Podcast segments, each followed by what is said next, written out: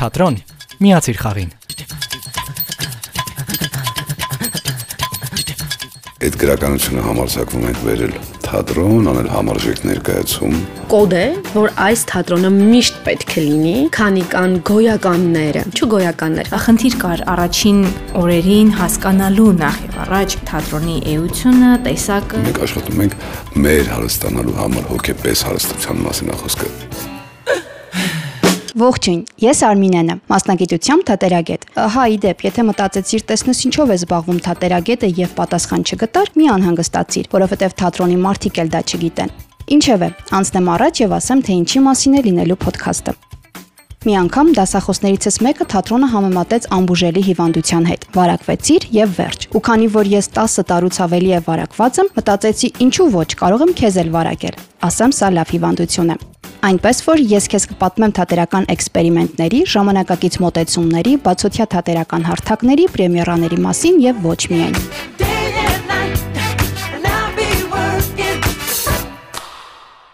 Այսօրվա թատրոնն ուզում եմ սկսել հարցով։ Արդյոք եղել եք Սունդուկյան թատրոնի ձեղնահարկում։ Եթե մտածեցիք սա ինչ абսուրդ հարց է, ինչու պետք է գնանք ձեղնահարկ դահլիճի փոխարեն, ասեմ, որովհետև Երևանի ամենատարբերվող եւ ամենաաբսուրդ գոյ թատրոնը հենց այնտեղ է։ Մի գաղտնիք էլ ասեմ, թողարկումը պատրաստելիս եմ հասկացել։ Սա միակ թատրոնն է, որի բոլոր ներկայացումները դիտել եմ։ Դե ինչ, այսօր կխոսեմ գոյ թատրոնի մասին, կպատմեմ ինչպես ձեղնահարկը դարձավ թատրոն եւ կոչվեց լաբորատորիա, ինչու սկսեցին բեմադրել абսուրդ ժանրի գործեր, ովքեր այսօր ստեղծագործում թատրոնում, ինչ ներկայացումներ կան խաղացանկում եւ ոչ միայն։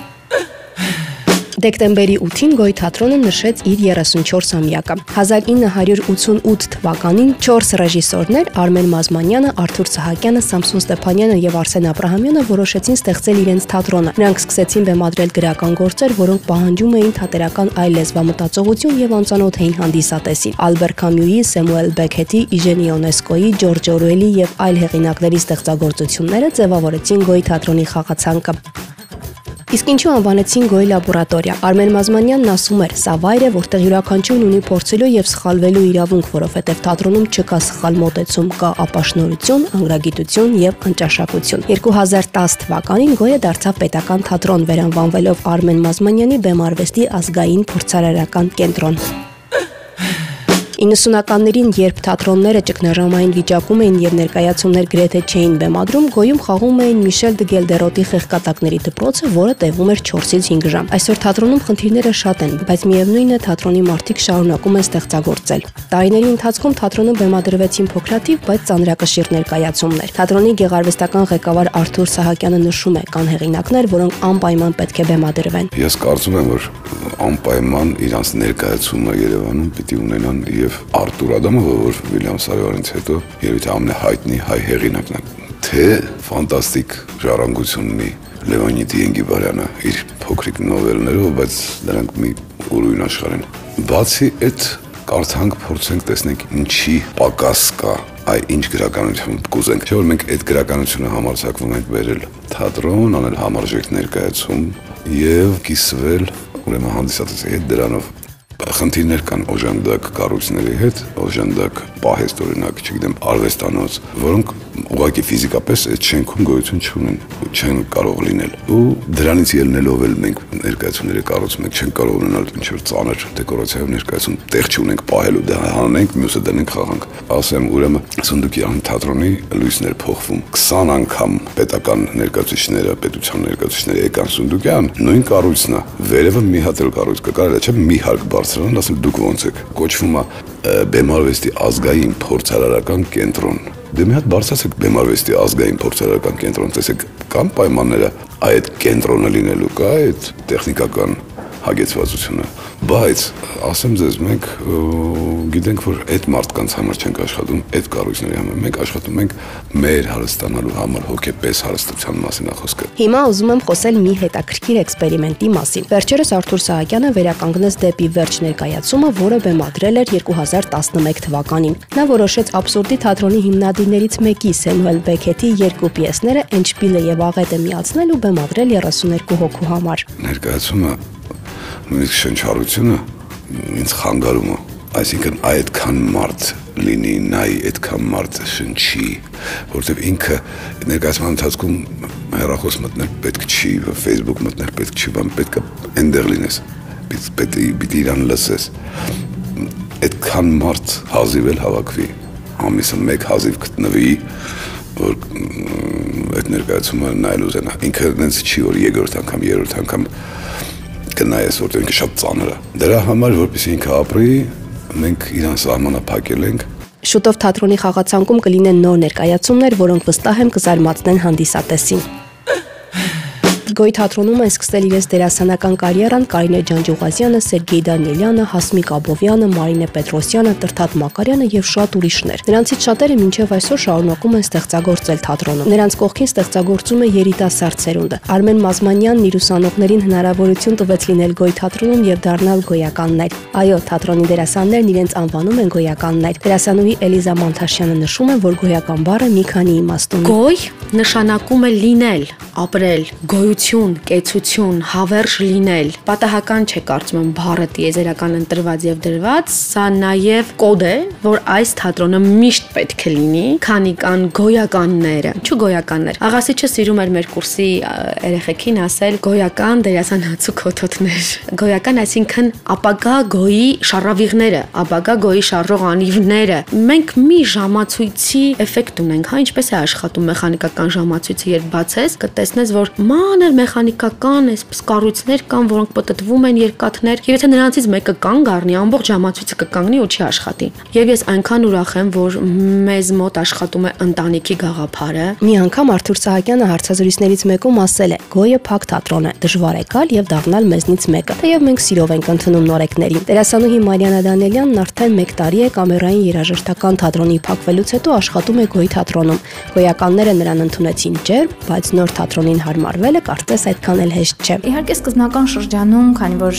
նախորդ թատրոնը, որտեղ աշխատում էի ժանրի եւ ձեռագրի առումով բավականին տարբեր էր գոյից, խնդիր կար առաջին օրերին հասկանալու նախ եւ առաջ թատրոնի էությունը, տեսակը եւ ձեռագիրը։ Իհարկե ինչքան էլ լինելով ոլորտի ներկայացուցիչ ծանոթ եմ եղել ներկայացումներին, բայց արդեն այլ բան էր, որ դու հանդիսատեսի աչքով ես նայում, այլ բան էր, որ դու գալիս ես եւ ուզում ես հասկանալ թե այս գեղագիտության մեջ որքանով դու կարող ես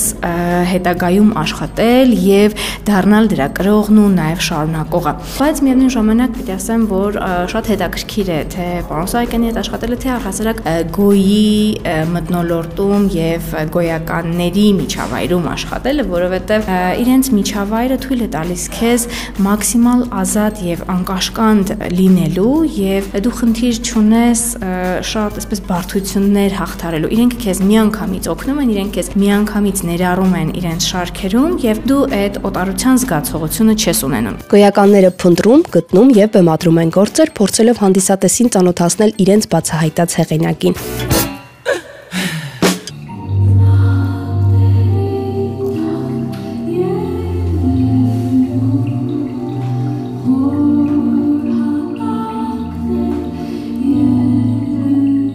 Ամեն անգամ գոյի թատրոն գալիս եմ ու մտածում եմ, թե այս անգամ ինչ եմ տեսնելու ու ինչ հոգեվիճակով եմ դուրս գալու։ Օրեր առաջ դիտեցի օտարը,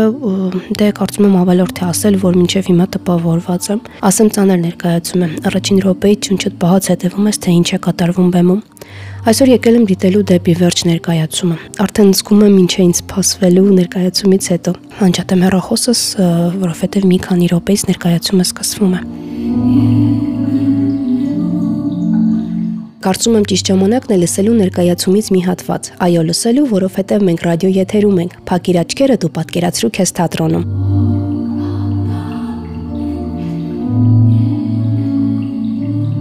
Անտառներ Գետեր Ես կվազեի Ինձ կհետապնդեին Իսկ ես կփախչեի բնություն գլխիս մեջ ինչ-որ ջի կաթիլներ խփում ուղիղ ինչ սիրտ ես սիրտ է խփում գլխիս մեջ սիրտ է գլխի մեջ այն չի ինչ ես ծիծաղում Ինչպես անընդհատ ծիծաղում, ինձ բախտության վրա։ Հասկացա։ Նրանց ամեն կողմնակավություն չկա, ամեն դուք նակ։ Մենք ծիծաղում ենք, սրտած, բայց մյուս սկզբո։ Հասկացիր նակ։ Այս դժբախտությունը մի ապաղաղ է։ Անփոփոխ։ Չի վերջանում։